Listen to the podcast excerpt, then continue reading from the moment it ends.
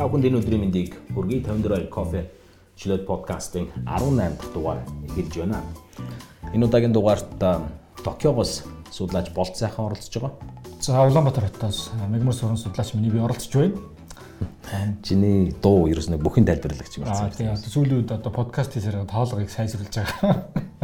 Талент тарж ярьдаг болоод байна. Болоод байгаа тий. За тэгээд манай хост дөрөв долгион ажиллаж байгаа. Судлаач инхтер байхгүй цаадгаж нь солонгосын виз гарсан. Тэгээд солонгост ажиллахаар явсан байгаа. Одоо аваа мөнгө гэж байгаа хаа. Үгүй мөнгө хийхээс гадна одоо солонгосын улс төр будаа. Бид нэр төлөөлөлөө явуулсан сүйтгэгчтэй хорлон сүйтгэгч. 3-7 хоног манай подкаст яваагүй уушлаараа сонсогчдоо. 3-7 хоног яваагүй юм уу? Тий, шалтгаан бол байгаа. Юу гэхээр ерөөсөө бид нэг Coca-Cola-гийн дөрөв захирал шиг ерөөсөө нэг дор ерөөсөө цуглаж өгдөггүй. Тэгээ сая л гуруулаа гуруулаа сая цуглаж байгаа нэг аа амар том ялаа да тий. Сонсогчдоо ирсэн комментүүд ихл бас тийм байгаа. Notification намууны хувьд notification анзаараагүй байх та гэж зорин зорин веб орж шалгадаг боллоо гэн. За төв гүцэн дуучлаарай одоо ингээд 18 дахь дугаар очиж байна. Инх баярын үед 18 яасан бэ залуусаа ямар удаж байна гэн. За өмнөөс нь мега уучлал гуйчлаа. Мегагийн буруулдаа юм аа. Миний л буруу болчиход байх юм да. За тэгээд инкри гэдэг нэртэй сонсогч маань 2 хоногийн өмнө ийм подкаст байдгийг мэдээд тасралтгүй сонслоо. Үнэхээр таалагдлаа баярлалаа гэсэн. Нааш дөрөв под бот гэсэн. Хуучин нэвшээ нэг хурамч хурамч подкаст нь тийм байна. За тэгээд отхон юм 18 яасан бэ? Асуултын нэмдэг. Нилээн занлах хэлсэн маягаар 3 асуулт өгдөг тавьсан. Миний бот уу? За ингээд уламжил 9-оор өнгөрсөн 7 хоног болон ер өнгөрсөн хугацаанд ямар хуу гол үйл явдал болсон талаар Томиг мега танилцуулаа. За 3-7 хоногийн хугацаанд Монголын нийгмийн эдийн засгийн одоо тий талбарт их олон үзэгдэл боллоо. А энэ нэг ёстой таймли. А өнгөрсөн подкаст яваагүй хугацаанд бол одоо нийгмийн нэлээд анхаарал татсан шууган дагуулсан нэг сэдв бол нөгөө шахмал төсний асуудал байлаа. А яг одоогоор бол хүмүүс хоёр хуваагчлаа. Нэг хэсэг нь бол энэ утааг бол багсгсан. Цаашдаа энэ шахмал төвшиг бол үржүүлэх ёстой. Энэ үйл ажиллагааг А нөгөө хэд нь бол энэ угаараас болоод бас хүний аим эрсдэд байна. Тийм учраас энийг дахиж эргэж харах шаардлагатай. Хүний аим чухал уу эсвэл утаа чухал уу гэдгийг маргаа ганцхан сошиал биш ерөөсөө олон нийтийн хувьд анхаарал татсан тийм зүйл болчлоо. За үндсүүл хэлцүүлэг бас үргэлжилж байна. Яг олон нийтийн мэдээлэл хэрэгслэр явагдахаас гадна бас улсын хурлд ирсэн яг энэ 7 хоногт Монгол Ардын намын бүлэг нэмэлт өөрчлөлтийг 3 дугаар хэлцүүлэгт оруулахаар зөвшөөрсөн байна. За бас бидний өнөөдөр ярих гэж байгаа нэг зүйл бол нөгөө саарлж ихсаалтад орох шахаад болсон тухай асуудлыг бас бид нар дэлгэнгүй ярина орцсон байгаа шүү дээ. Зөвлөмж өгөх төдий гэж ойлгосон шүү дээ. Үгүй? Орцсон байгаа. Талаараас дэлгэрэнгүй ярих. За тэгээ. За Монголоор төвсгэлт нам юу лээ 2 дугаар их чуулган гэдгийг хийгээд тэгээ бас эднэр залуучууд үнгүй байр болгоноо. Цалин 5 сая хүргэнэ гэдэг энэ зүйлээс болоод бас нэлээ олон хүн очиж бүртгэлээ хийлгсэн тий үнэхээр байр өгнөө итгэж гисэн популист амлалтанд орсон хүмүүс бас байгаад байгаа. Тэгэд энэ энэ талаар бас олон нийтийн мэдээлэл хэрэгслэр бас шууган үүсэж байна. За тэгээд дөрөвт нь бол нөгөө сарлж ихсалтай асуудал лөө те. Аа ярьсан те. За ийм их байна да товчхондоо.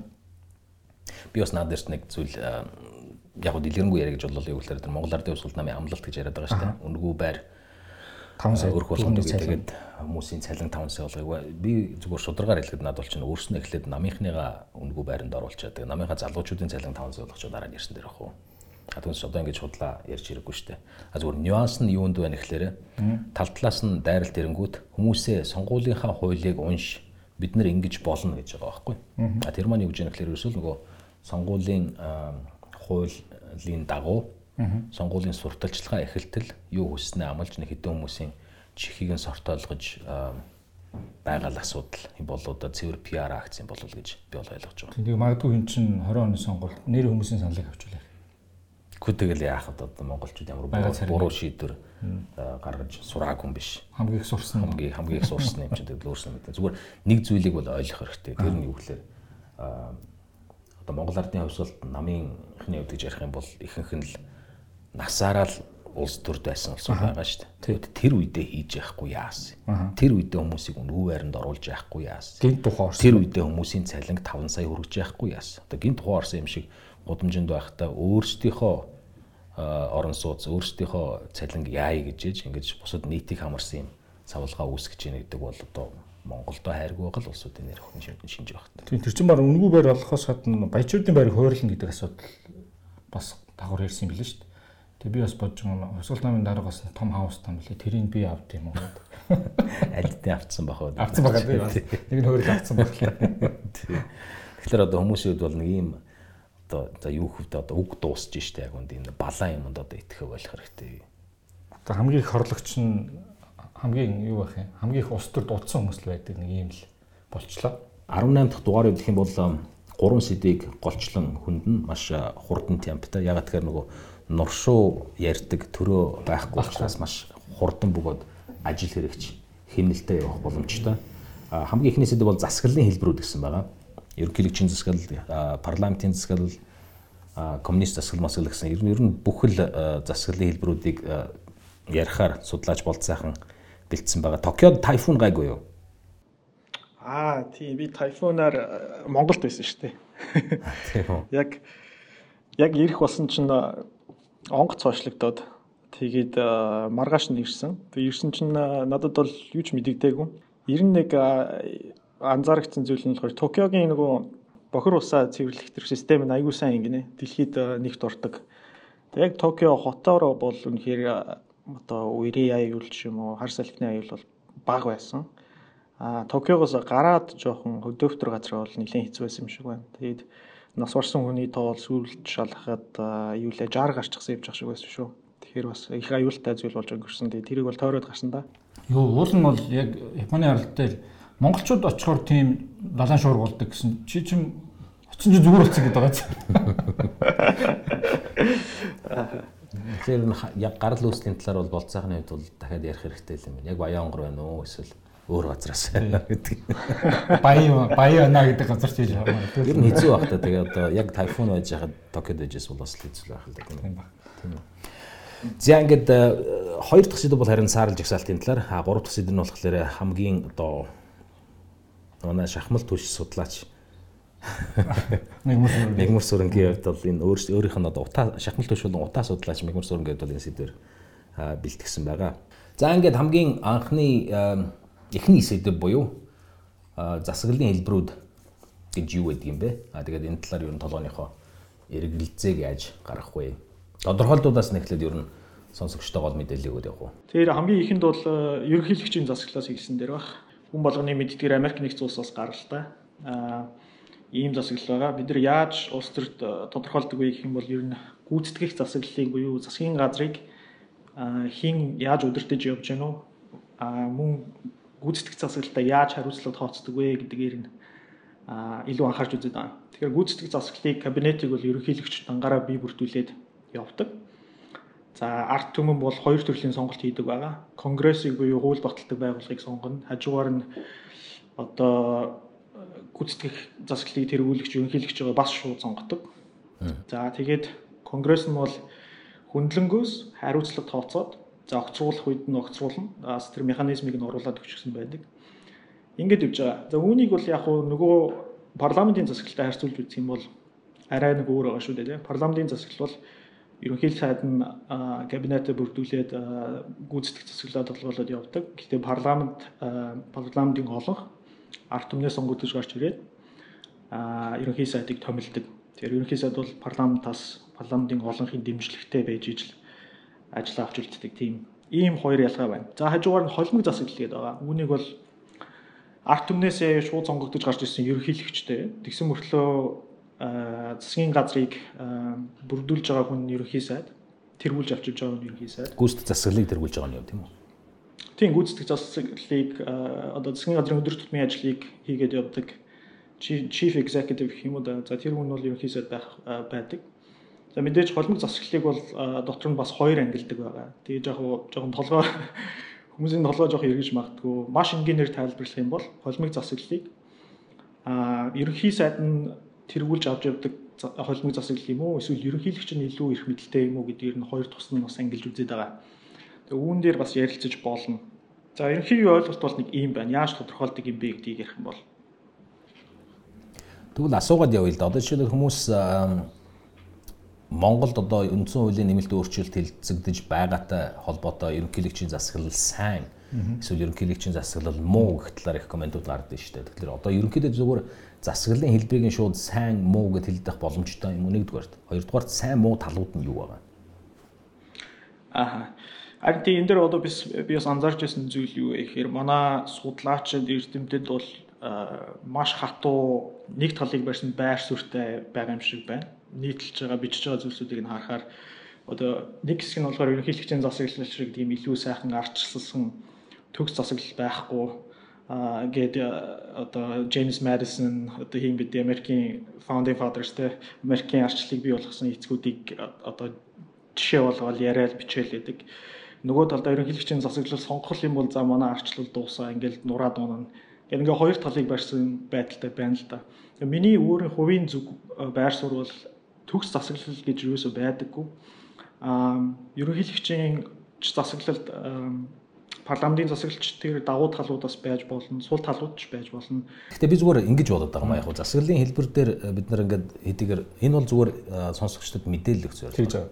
А зүгээр энэ дээр би зүгээр нэмж нэг э, санал хэлэх гэсэн юм өгөхлээрэ засаглалын хэлбэр дээр одоо ихэнх улс төрийн маргаан эсвэл олон нийтийн маргаан яваад байгаа ч гэсэн яг өнөөдөр Монгол улсад дутагдаад байгаа зүйл муу юм уу бас биш шүү дээ. Зүгээр түрүүний ярьжсэн зүйлүүдийг нэгтгэхэд ажиглаад сонсож явахад надад зүгээр 2 3 зүйл Монголд ерөөсөө огт байхгүй байгаа. Тэднийг бид нэр ерөөсөө ярихгүй байгаа юм шиг санагдаад байхгүй. Нэгдүгээрх нь болохоор хуулийн засаглал. Хуулийн засаглалны үгээр ямарваа нэгэн хууль батлах юм бол тэрийг үг үсэггүй мөрдөөл явдаг. А хоёрт нь болохоор эрх ашигын дараалал. Түрүүний ярьдаг та ерөнхий сайд намаа сонгогдно уу? сөөхөөсөө сонгогдно уу хаанаас сонгогдно уу ялгаа байхгүй шүү дээ. А тэгвэл эрх ашигын дараалал үзлээрээ хувь хүний эрх ашиг байхад тэрний дээр багийн эрх ашиг, тэрний дээр нь одоо групп намын эрх ашиг, а тэрний дээр нь засгийн газар одоо олон нийтийн эрх ашиг, тэгээд улс үндэстний эрх ашиг гэдэг явдаг. Тийм эрх ашигын дарааллыгаа монголчууд монголчууд юу яах вэ? Монголын улс төрчид өөрснөө алдсан учраас бүх ингээд нэг замбраагүй байдлын их нь эндээс үсэж байгаа юм шиг. А 3 дугаарх нь юу гэхээр түрүүн одоо хэрвээ Америкт Трамп хичнээн галзуурлаж гисэн тэр хүнийг байранд нь байлгаж явах шүүх засгал байранд нь байлгаж явах хууль тогтоох засгал байгаад байгаа учраас тэр хүн чинь бас ингээд бас нэг арамда жажганаад нь шүү дээ. А Монголд болохоор нөгөө хувь хүнээсээ шалтгаалаад чанга хүн их хурлын дарга болох юм бол их хурлын одоо институц хүч хэрэгжээд явцдаг. Сул хүн ерөнхий сайд болох юм бол тэгээд засгийн газрын шалж байгаа явцдаг яг юм ажиглагдаад байгаа шүү. Тэгэхээр яг одоо ямар ч засгийн газар эсвэл засгийн хэлбэр байснаас үл шалтгаалаад яг энэ гурван зүйл маань яаж хамгийн түрүүнд хангагдах юм бэ гэдэг дээр л явсан дээр юм шүү. Түүнээс сайн ч хүн ерөнхийлөгч болж болно, муу ч хүн болж болно. Эсвэл одоо хөгийн гарч ирсэн ерөнхий сайд болж болно шүү дээ. Тэглээгээд тухайн хүнийг л байранд нь байлгаж явах, ажлыг нь сайн хийлгэж явах ийм л процесс байвал зүгээр болов гэж би бодод байгаа. Зүгээр юун дээр анхаарч явах хэрэгтэй юм бэ гэхэл миний бодлоор засаглалын хэлбэрхээс илүү энэ асуудал юм болов уу гэж би бодож байгаа. Судлаачид өөрөө л бодох л байна. Тий яг яг парламентын засаглалыг сонгосон бэ гээд одоос ч мар 30 20 гаруй жил болчихлоо шүү дээ. Онлын үндслүүдийн сая болдоо хэлчих шиг боллоо. Нэг үндэсний угсаатнаас бүрдсэн. Засгийн нийгмэл зохион байгуулалттай цөөн хүн амт улсууд бол голдол өмнө парламентын засаглалтай байдаг гэдэг онлын үед ихэнх нь. А яг тухайн үе нөхцөлд бол баг парламентын засаглалтай байх уу ерөнхийлөгчийн засаглалтай байх уу гэдгээс гадна баг хаан засаглалтай болъё гэж зарим төлөөлөгч санал өгч ирсэн юм бэл ардын хурал улсын баг хурал дээр. Яг одоо эргээд харахад бол зарим нэг талаар тэр үеийн хүмүүсийн гаргаж ирсэн үндэслэл зөвч юм шиг хоёр их гүрний дунд байдаг жижиг улсад нэг эргэлзсэн засаглалтай болчвол гадны хоёр их гүрний нөлөө их орж ирэх магадaltaй. Одоос энэ сэдв явж л байдаг л да. Хоёрдугаарт нь угаасаа дарангуйллын суурьтай улс орнд дахиад эргэлзсэн засаглалтай болчвол нөгөө арчил тогтоож байгаа арчлалт маань эргэлзээтэй байдалд орно гэх тийм. Яг гоо тэгээд одоо энэ арчилсан хөгжлийн үзүүлэлтийг харуулсан нэг арчлалын индекс байдаг шүү дээ. Тэрийг харахаар яг бид нартай адилхан парламентын цэцгэлийг сонгосон Балтийн орнууд байгаа Латв, Литв, Эстон. Аа тэгээ Монгол бол харьцангуй ногоо өнгөр тэмдэглэгддэг бол а тухайн үед ерөнхийлөгчсөн цэцлийг сонгосон станы орнд байгаа шүү дээ. Стант орнууд. Тэдний үед бол арчлаас ухарсан гэдэг юм үзүүлэлт. Тэгэхээр аль ямар засаглалыг сонгосон бэ гэдэг нь өөрөө цаашдаа арчлыг тогтооход бас тодорхой хэмжээгээр нөлөө үзүүлдэг юм байна гэдэг ийм эргэж одоо түүхэн цаг ярахад бас ийм дүгэлтүүд хийж болмоор юм шиг харагддаг. Би зүгээр болцоохон энэ дэр бас чи саналаа хэлнэ. Би зүгээр юу гэж бодож байгаа гэхээр за нэг тусгаар тогтнолоо олж авснаас хойш Монгол улс нэг 70 гаруй жилийн хугацаанд хагас дарангуулын хэлбэртэй нэг орноос хит хараат маягаар явж эхэлсэн юм эдийн засаг болмос санагдал байна. А тэгэнгүүтээ арчилсан хувьсгал гарангуудаа бүх зүйлийг шинээр эхлээд монголчууд анх удаага хувь заяагаа өөрснөө шийдэх боломжтой болоод ирэнгүүд нь тэр үед баталж исэн, хууль баталж исэн, үндсэн хууль ярьж исэн улсуудад бол толгойд нэг зүйл байж л дээ. За ямар ч байсан гэсэн бид нэр өнгөрсөн 70 жилийнхаа одоо нуранг руу эргээд орж болохгүй юм байна шүү. Тийм учраас нэг хүний дарангуйлал байж болохгүй юм байна шүү. Хэсэг бүлэг хүн ингээд шийдэ явчихдаг юм байж болохгүй юм байна шүү гэдэг ийм хийнгүүтээ бүх засаглалын институцийг ерөнхийлөгч одоо ерөнхий сайдын хурлын дарга шүүгцгэлэнэ босод юмнуудыг бүгдийг нь хэд тэнцүү хэлбэрт оруулаад өгчөнгүүд аль нэг нь давмгаалахад аягүй хэцүү болчих жоох байхгүй. А одоо юу гарч ийн гэхээр тухайн хүн албан тушаалыг хашиж байгаа хүнээсээ шалтгаалаад эн чинь мэдээж тоглоомынхын дүрм нь та хэд бүгдээрээ хамтраад ажиллаа. Хамтдаа энэ улс орноо аваад яваа гэж яхад нь нөгөөдөл чинь болохоор зарим нь тодорхойг бодно, зарим нь одоо ганцаараа хаан болохыг бодно. Аа эсвэл одоо юу гэж байдгийг өнгөрсөн 90-ад оноос хойш 2000 оны хүртэл баг тийм байдалтай явлаа шүү дээ үндсэндээ. Тэгээд эрэнгүүд хамтарч ажиллаж чадахгүйгээсээ болоод дүрмээ зөрчих шаардлагатай болоод одоогийн бүх проблемууд ингэж л үүссэн болол гэж би зүгээр хараад байдаг шүү дээ. Судлаачид өөр үзэх л да. Нэг их судалдаг хүмүүс. Гэхдээ яг хууль та тий тайро хэлж байгаа хуулинд нь бас үнний ортой л доо. Хин мегагийн хэлж байгаа манайхтай одоо харьцуулж болох боломжтой гэж хамгийн ойрхон улсууд байна тий станы улсууд яагаад ингэ тэгэхээр энэ тэд нар ч бас нүүдэлчин гарал үүсэлтэй. За нөгөө Чингис хааны үед э, түүнээс хойшоо их Монгол улсад харьяалагдаад өвчсэн хил соёлын хувьд бас уур. За сүүлд зүйлт холбоод улсын бас харьяа байсан тийм улсууд байгаа шүү дээ. Эднэр маань ерөнхийдөө ихэвчлэн э, хагас засаглал юм уу? Эсвэл ерөнхийлөгчийн засаглалыг сонгосон байна. Хагас засаглалыг сонгохдоо ерөнхийлөгч нь илүү их мэдлэлтэй байхаар. Тэгээд а арчилсан болж чадаагүй. Одоо бол авторитар засаглалтай байгаа. А Монголыг харьцуулаад үзэхээр бид бас харьцангуй гайгүй сайн яваад байгаа шүү дээ, тийм.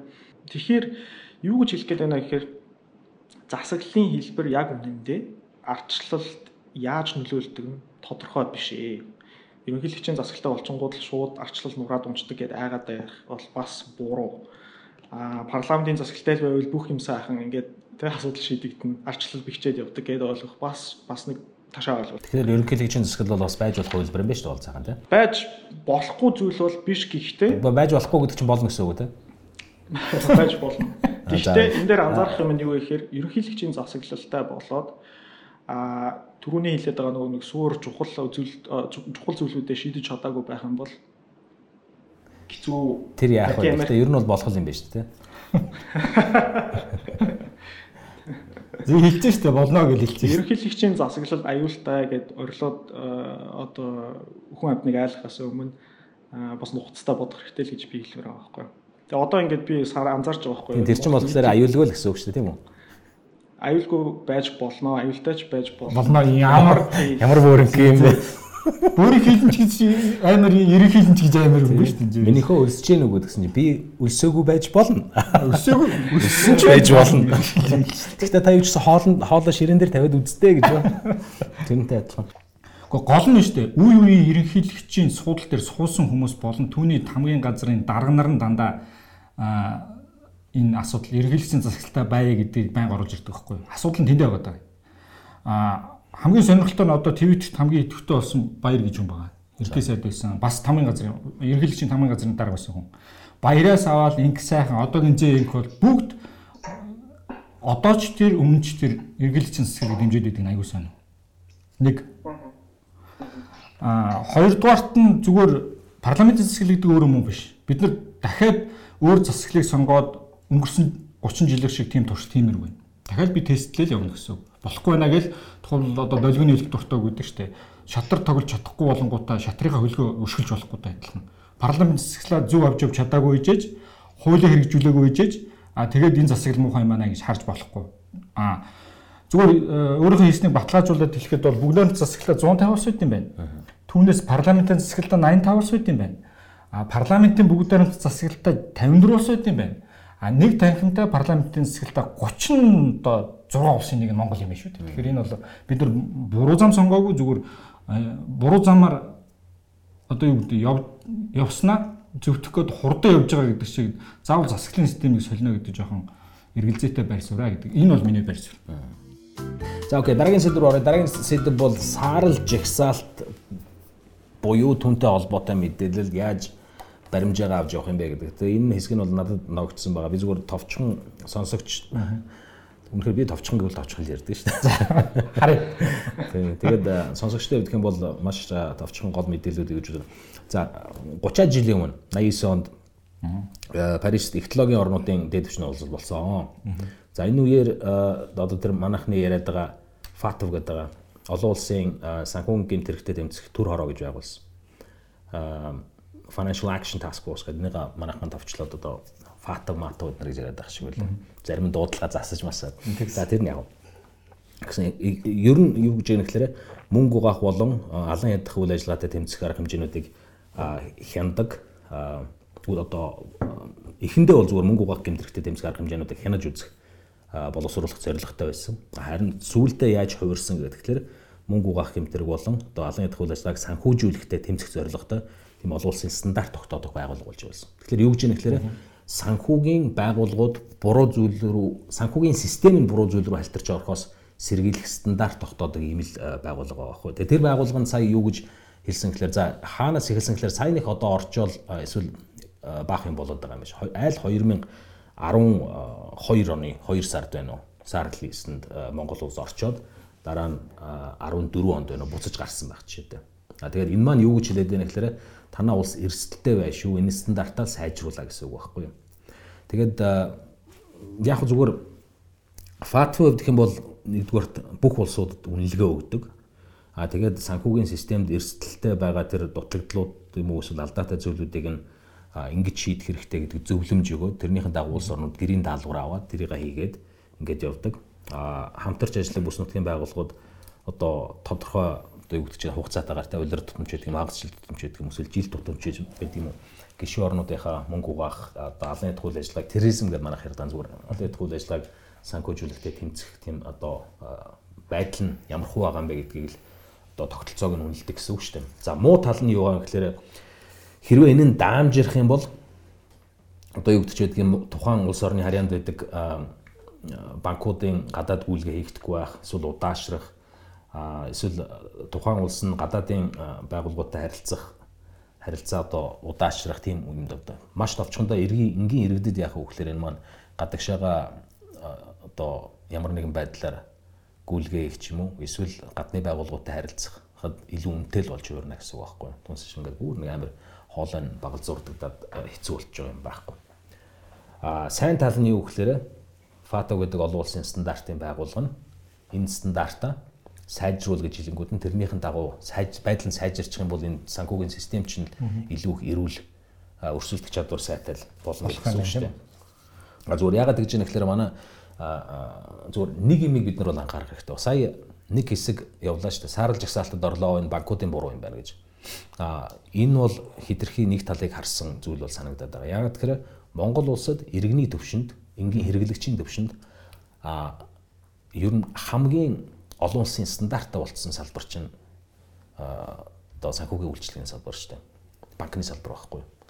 Одоо мэдж байгаа тийм карт олон улсад аваад явж байна. Би карт гадаад явж үзсэн үү? Үзээгүй. Үзээгүй. А тэгвэл дандаа бэлэн мөнгөөр болцаахан.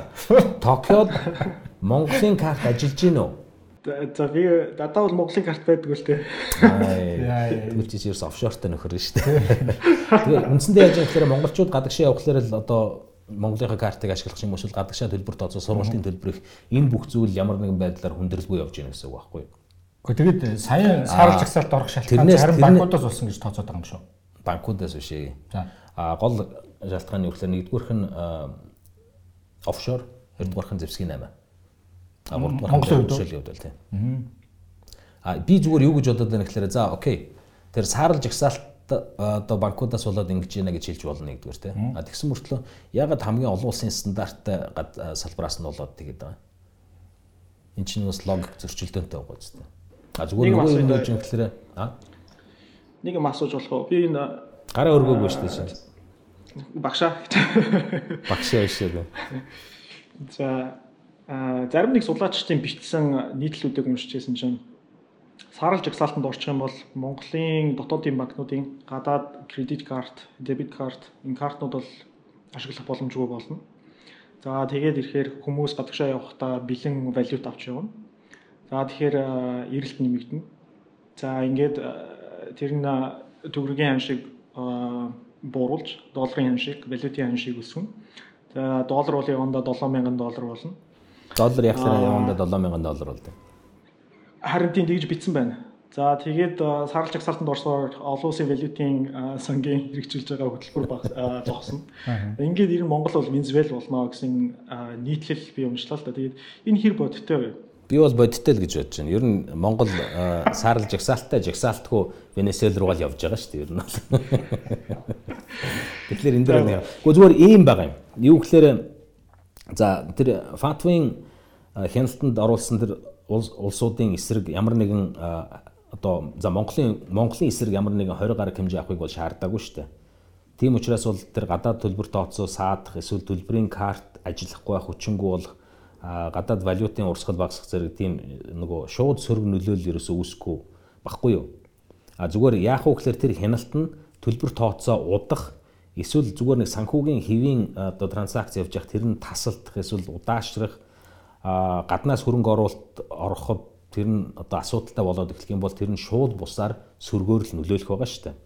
Тэгээ зүгээр Монгол улсад хэрэгжүүлэх шаардлагатай байгаа тэр фатвын хэлсэн зөвлөмжүүд нь болохоор ихлээр банкны сектортой нэгдүгээр холбоогүй үндсэн дөрвөн шаардлагуудыг хэлээд байгаа байхгүй. Тэр нь тэр офшорын болон офшорын асуудлаа шийдэх офшор гэдэг нь одоо энэ чинээс нөгөө хулгайлцсан байгаа хэдэн төгрөг бол гадна гаргаад тавьсан байгаа асуудал шүү дээ. Тэрийг л яаж хийх юм байдаг байхгүй юу. Тэгээ тэрүүгээр чинь зэвсгэж авсан байж болно хамгийн сүүлд яасан тэр нөгөө Луволд гишүүний холбогдсон гэдэг байлдааны хөлөг онгоцны хөдөлгүүрийг салгаж аваачаад солонгос зарахыг оролцсон, хойд солонгост зарахыг оролцсон оролцсон гэдэг. Тэгээ хамгийн гол нь юу гэж юм гэхээр энэ фатвын зөвлөмжүүдийг биелүүлчих юм бол тэгэл энэ сарлж агсаалтаас маш богино хугацаанд гарах боломжтой байхгүй. Яг тэгэхээр өмнө тэр 12 онд 12 оны 2 сард сарлж агсаалтанд орцсон байж байгаад 14 онд буцаа гарч ирсэн. 13 онд ороод 14 онд 12 он 12 оны 12 оны 2 сард шийдвэр нь гарч байгаа байхгүй юу. Тэгээ үржингүүдээ зөвлөмжүүдийг нөгөнгөө ч яадаг чинь. Хамгийн гол нь энэ дээр зүгээр нэг юм яагаад байгаа. Юу гэхээр ирэх барьж байгаа намууд нь ч байдаг юм уу тэрний буруу энэний буруу ингээд байна гэхэлэр бүгдээрээ нэг завин дээр өөрснөө живж өгөх гэж юунда бурууга одоо бие биелүүгээ чихээд байгаа тийм үстэй. Тухайн үед тухайн албан тушаалыг хашиж байгаа хүн нь ажиллаа сайн хийгээл явуул та. Тий. Тэгээд тэр чи бас яг уурлаад байгаа. Гэхдээ уурлах юу ах вэ? Уурлаад шүү. А зүгээр сарлж жагсаалттай холбоотой би зүгээр зарим нэг мэдээлэл хайсан. Тэгсэн чинь 11 оноос хойш Монголд 4345 мөнгө угаах хэрэг шалгагдсан гэж л.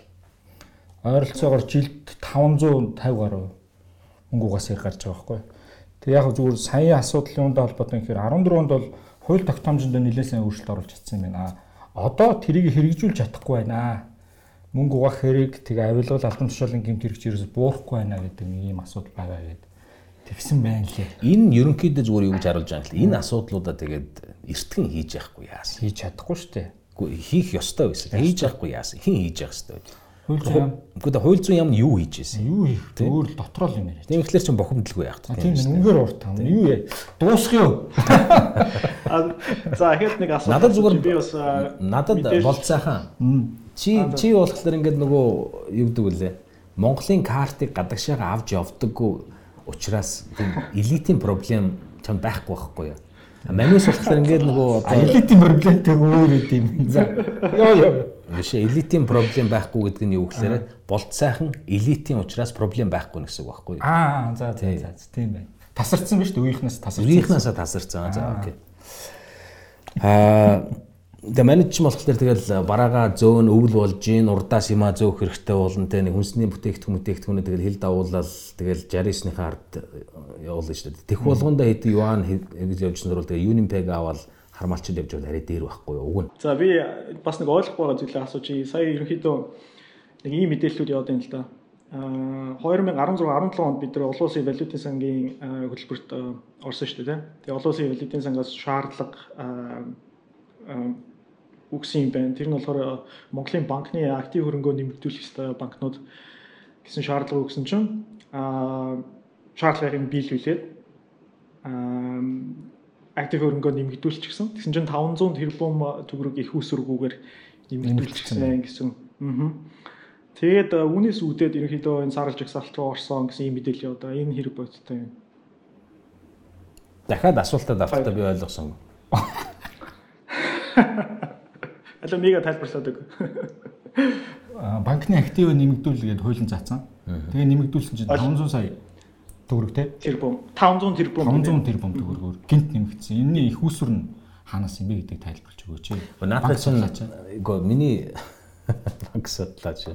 Миний хариулах асуулт биш л дээ. Зүгээр Монгол банк гэдэг банкуудыг хариуцчиад газар энтэй ямар ч холбоогүй гэд хэлсэн шүү дээ. Аа за.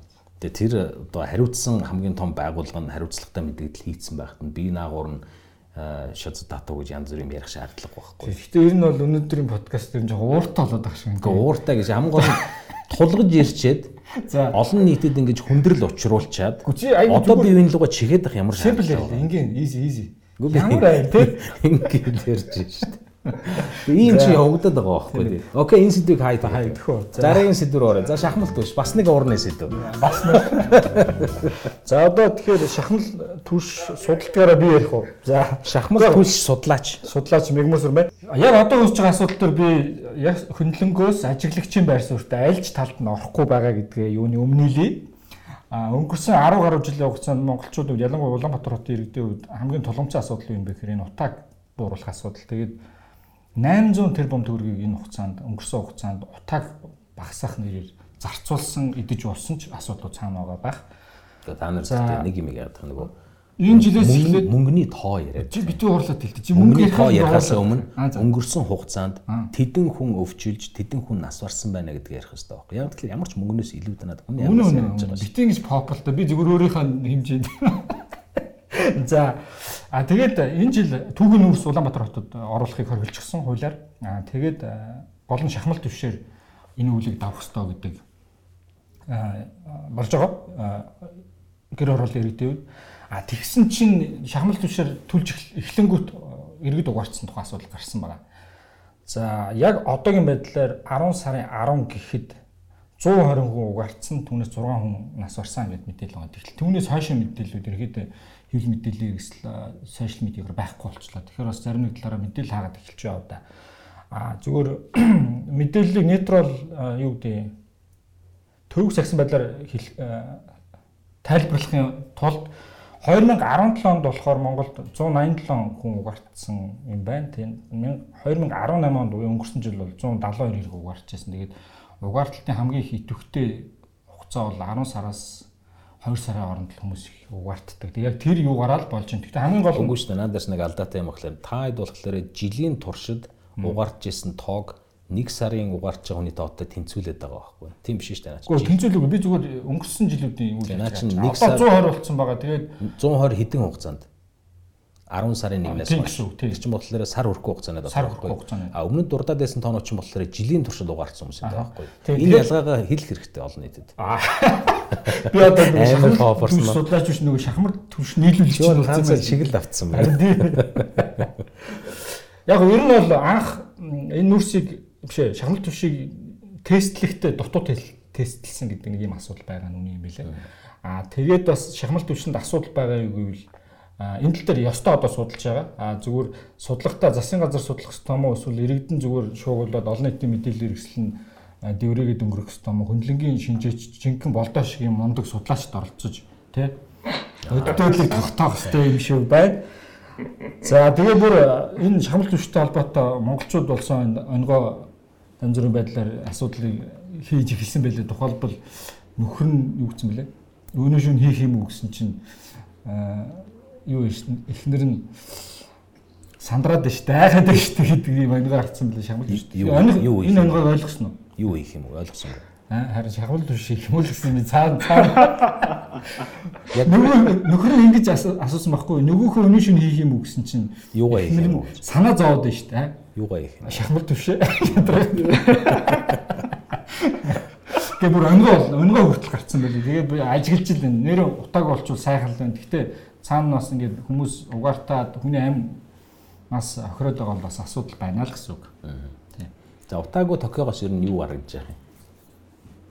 Хөндлөнгөөс харахад тийм. Кицүү. Бидний проблем өөр чинь байдаг юм байна. Одоо одоо баг миний хамгийн ярьж болохгүй сэдв юм шүү. Утаа нэг талаар. Яг Улаанбаатарт утаа баг байна, их байна гэдээ ярих гэхээр Токиод байж жоо. А зүгээр яг хөндлөнгөөс нь харахад а нэг тал нь болохоор маш олон хүн хүний ямнаас эндэгдлээ. Аа өмнө дээр бол тодорхой хэмжээний улс төрийн хариуцлага хүлээх ёстой. Яагаад юм бэ гэхээр түүхий нүүрс төлөхгүй гэсэн шийдвэрээ гаргачаад аа биелүүлэлтэн дээр алдаа гаргасан байна. За жишээлбэл аа сайжруулсан төлөв нь бүх төрлийн 100-нд төлж болно гэсэн зааврыг аа нүүрснийхээ уудан дээр хевлээд хүмүүст тараасан байна. За дээрэс нь Улаанбаатарын иргэдийн гэр оролд амьдарч байгаа иргэдийн хэдэн үн гэсэн бэ те 60 гаруй хувь гэсэн баха стандартын биш зуух хэрэгжилж байна гэдгийг мэдсээр байж аж түүнийг одоо засах сайжруулах арга хэмжээ аваагүйгээр гинт яарж ийм зүйл хийсэн гэсэн тийм шүүмжлэл яваад байгаа юм байна. Нэг тал нь. Тэгээд ийм шүүмжлэл явангууд л нөгөө тал нь юуж байгаа гэхээр та нар бити улс төрчөө те. Энэ шийдвэр бол зөв байсан Аа тэгээд одоо яах гэдэг нь түүхийн нүрс буцааж төлөвлөх гээд байгаа мó гэд уурлаад тэр хөдөлсөн. Тийм. Тэгэхээр одоо энэ ч одоо миний зүгээр хөндлөнгөөс нь харахаар энэ бодлогыг хэрэгжүүлэхдээ алдаа гаргасан байна уу биш байна уу гэдгийг хэлчих ёстой юу ёстой. Тэгээ хилцлээ гэд одоо энэ шийдвэрээ буцаая буцаад түүхийн нүрсээ төлөе гэж байгаа юм биш шүү дээ. Алдаа гарсан байвал гаргаснаа ойлгоод ухаарад хариуцлага тооцоо тооцоо цаашаага хийх ажлуудаа хийгээл явах ёстой байтал шүүмжлэлийг юусоо өглөж авахгүй. Аа бараг л ерөөсөө л иргэдийн өөртөө буруу арчаагүй байна. Аа тэ 100 яндангаа өөртөө янзлсангүй гих мэтлэнгээр нэг тийм өөрийгөө өмөрсөн байдалтай хандлага бол ажиглаад байгаа л да. Тэгэхээр иргэдийн хувьд мэдээлэлгүй байсан нь ойлгомжтой байна. Аа тэгэнгუთ л мэдээлэлээ яг түгээгүй юм бэ гэх тэгэхээр гэр оролын хайлуудаар чи явж үзсэн юм уу? Чи амар хэцүү шттэ. Тэг хүмүүс хүлээж авдаггүй юм. Эсвэл 100 наадамлаад алга болсон байдгийн гэх хэмжлэн тийм үү? Тийм одоо тайлбар нэгсэндээ excuse өгч байгаа байхгүй тийм бүр тэгээд одоо ажиллаа хийх ёстой байтал сайн хийгээгүй байна гэж шүмжлүүлэнгууд миний хийх гэсэн ажил чи амар хэцүү байсан дээ гэдэг нэг тийм энэ бол байж болохгүй л гэж бодож байна. Тэгээд яг үнэндээ хэлэхэд бол утаатай тэмцгээд маш түргэн шуурхаа хөдөлсөн. Тэгээд түргэн шуурхаа хөдөлснөөхөө хөдөлсөн хөдөлсөн учраас бас алдаа гарсан. Энэ алдаагаа одоо хүлээн зөвшөөрөө цаашаа яа засах вэ гэдгийг ярилцаал явах хэрэгтэй байна. Тэг хөндлөнгөөс нь харахад бол ийм л байна. Хөндлөнгөөс юм айгу гоё л харагдсан юм тий. Айгу мундаг мундаг дүгэлдэгд юм шүү дээ. Хөндлөнгөө судлаач чинь. Яг зүгээр арай нөгөө утаанд ордог учраас эрүүлэр хэлээд байгаа л да. Зүгээр энэ дээр дөрөвний болцаагны хэлсэн дээр нэг зүйлийг нэмэ гэж бодлоо. Юу гэхээр өмнө нь бол нүүрс түлдэг, пакришка түлдэг, одоо юу л бол юугаа түлдэг сонголттой хортолт байсан байхгүй юу? Яг хортжлаа. Одоо хэрвээ нугаартад байгаа нь үнэн бол үнэн бол гэж байгаа шүү. Би үнэн дээгүү те. Үнэн бол энэ чи сонголтгүй хортолт болж байгаа байхгүй юу? Юу ч төлж болохгүй зөвхөн нэг л төлөө. Энэ дээр л ялгаа авах хэрэгтэй хувьд бол а зүгээр анхаарах зүйлүүд гэх юм бол нэгдүгээр түүтэн болоогүй байна. Илүү сартай намрагддаг шиг эдгээр болоогүй эхлэегүй эхлэегүй. За. А хоёрдугаарх нь одоо энэ хоёр талаас байлдаад үгээр байлдаад байгаа улсууд сумаа гамнаа. Утаанаас салчих юм бол Улаанбаатарын бүх хүмүүс л Монгол улсын бүх хүмүүс л баярлна шүү дээ. А салаагүй бол энэ улсууд чинь амнаас алдаад байгаа ямар нэг байдлаар хариуцлага хүлээх хэрэгтэй байхгүй. Тэгэхээр зүгээр төвчээртэй зүгээр байдал яг ямар байгаад байна гэдгийг харцнах л ёстой болчиход байгаа юм л да. А зүгээр нэгт хаалагдаагүй зүйл байгаа. Тэрний үгээр Улаанбаатарт маш олон иргэд угаартаад зарим 8 насаа алдаад байж хахад ямар ч зүйл дуграагүй мөртлөө Японд хар салхи болоод хүмүүс амиа алдсан чинь Монголоос хүмүүс дуурсан. Эмгэн эмгэнэл илэрхийлээ харамсалтай байна. Зүгээр надад таалагдаагүй зүйл нь үгээр Монгол хүний ам Япон хүний амаас хямдах юм уу? Яа. Тэгж л санагдсан шүү дээ зүгээр. Өнөөдөр долгион бол аюу попорч байна тийм. Төрөө байсан бол одоо төрөө тасгээл орно тийм дундорч одоо тийм. Чи өнөөдөр азтай байна тийм. Аюу төрөө сэгтэг хоёр хүнтэй. Яг зүгээр яг бодиттой амиг болохоор тоглоом болвол яг жинх бодиттой л харах хэрэгтэй шүү дээ.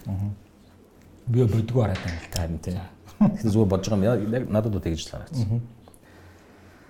За өнөөдөр чинь тэгвэл ёстой баахан нэрвцсэн сэдвэр Нэрвцэн сэдэр байх юм өргөчлээ. А тэгээд одоо энэ давшааныг далимдуулаад бүгд найрамдах Солонгос улсад хар ажил зөрөгтэйгээр эрхэлж байгаа подкаст чинь улс төр судлаач инх төртөө банжил төсөөийг Жонхва гэдэг зочид дуудлал ажиллаж байгаалаар байлаа. Хөрн яахан дуулан сэлэнгэд явж байгаа шүү. Манай хүн бас өөрийнх нь чиглэл. Өөрөө л тэгээд байгаа гэхдээ цаана болохоор солонгос лого харагдаад байлаа. Сэлэн биш өөрөөрөө. Аа би сая нэрэ нэвтрүүлэг хэлдэг эхлэхэд нэг муухай алдаа гаргачлаа. Сонсогчдоос хөлцөл өчөө. Ингээд хүмүүс комент бичгээр нь тэрийг бот гэж хэлдэг чинь айгүй муухай юм шүү дээ. Тэр чинь яг тэр хүмүүсийн сэтгэл байхгүй юу? Сонсогч юм бол доо. Тэрийг бог доо. Бот гэж хэлхээ. Богт гэж хэлхээ. Бот бот аа хуурамч хаяа тэгээд тэр төрөөгийнх мөрөөгийнх гэдэг те тэр айгүй муухай юм байна уучлаарай гэдгээ сонсогчдоос өвчл өчөө тэгээд комент сэтгэгдэл шүүмжлээ хилэн далангуу нээлттэй байн гэлгэж байгаараа сонсогчдоо уучлаарай. Харин тийм шүү дээ. Тэгээ миний хувьд бол байн горж уншдээ шүү. Тэгээд э, загнууснаас хойш одоо байн лайк дардаг болсон байгаа. Тэгээ бид бас байнгын идэвхтэй сонсож байгаа бүх сонсогчдоо бас энэ завшааныг ажиллаад баярлаа гэж талархлаа илэрхийлж байна бас. Баярлаа төрөө бол ерөөсөө тэгж хэлдэг ба. Хэлдэг байхгүй. Байхгүй гурн нэр ярих ямар гоё юм бэ? Нэр болцоохан чи одоо энэ подкаст дээр нэг том өөрчлөлт гарч байгаа чи санал нэгтэй байна гэж хэлэх хүн байхгүй болохоор чи өөрийн гэсэн жоохон independent thinking үүсч эхэлж байна. Өнөөдөр айгүй өөртөө ихтэй ярьлаа шүү дээ. Айгүй өөртөө ихтэй ярьлаа шүү дээ нэрээ. За ингээд энэ удаагийн подкастыг үүгээр өндөрлөе. Бидэнтэй хамт байсан сонсогч тав хүнд маш их баярлалаа. Токиогоос болд сайхан Улаанбаатар хотоос Мегмар сүрэн. Тэгэхээр өнөр оролцлоо. Ингээд дараагийн дугаар хүртэл баярлалаа. Баяртай баярлалаа. Баяртай.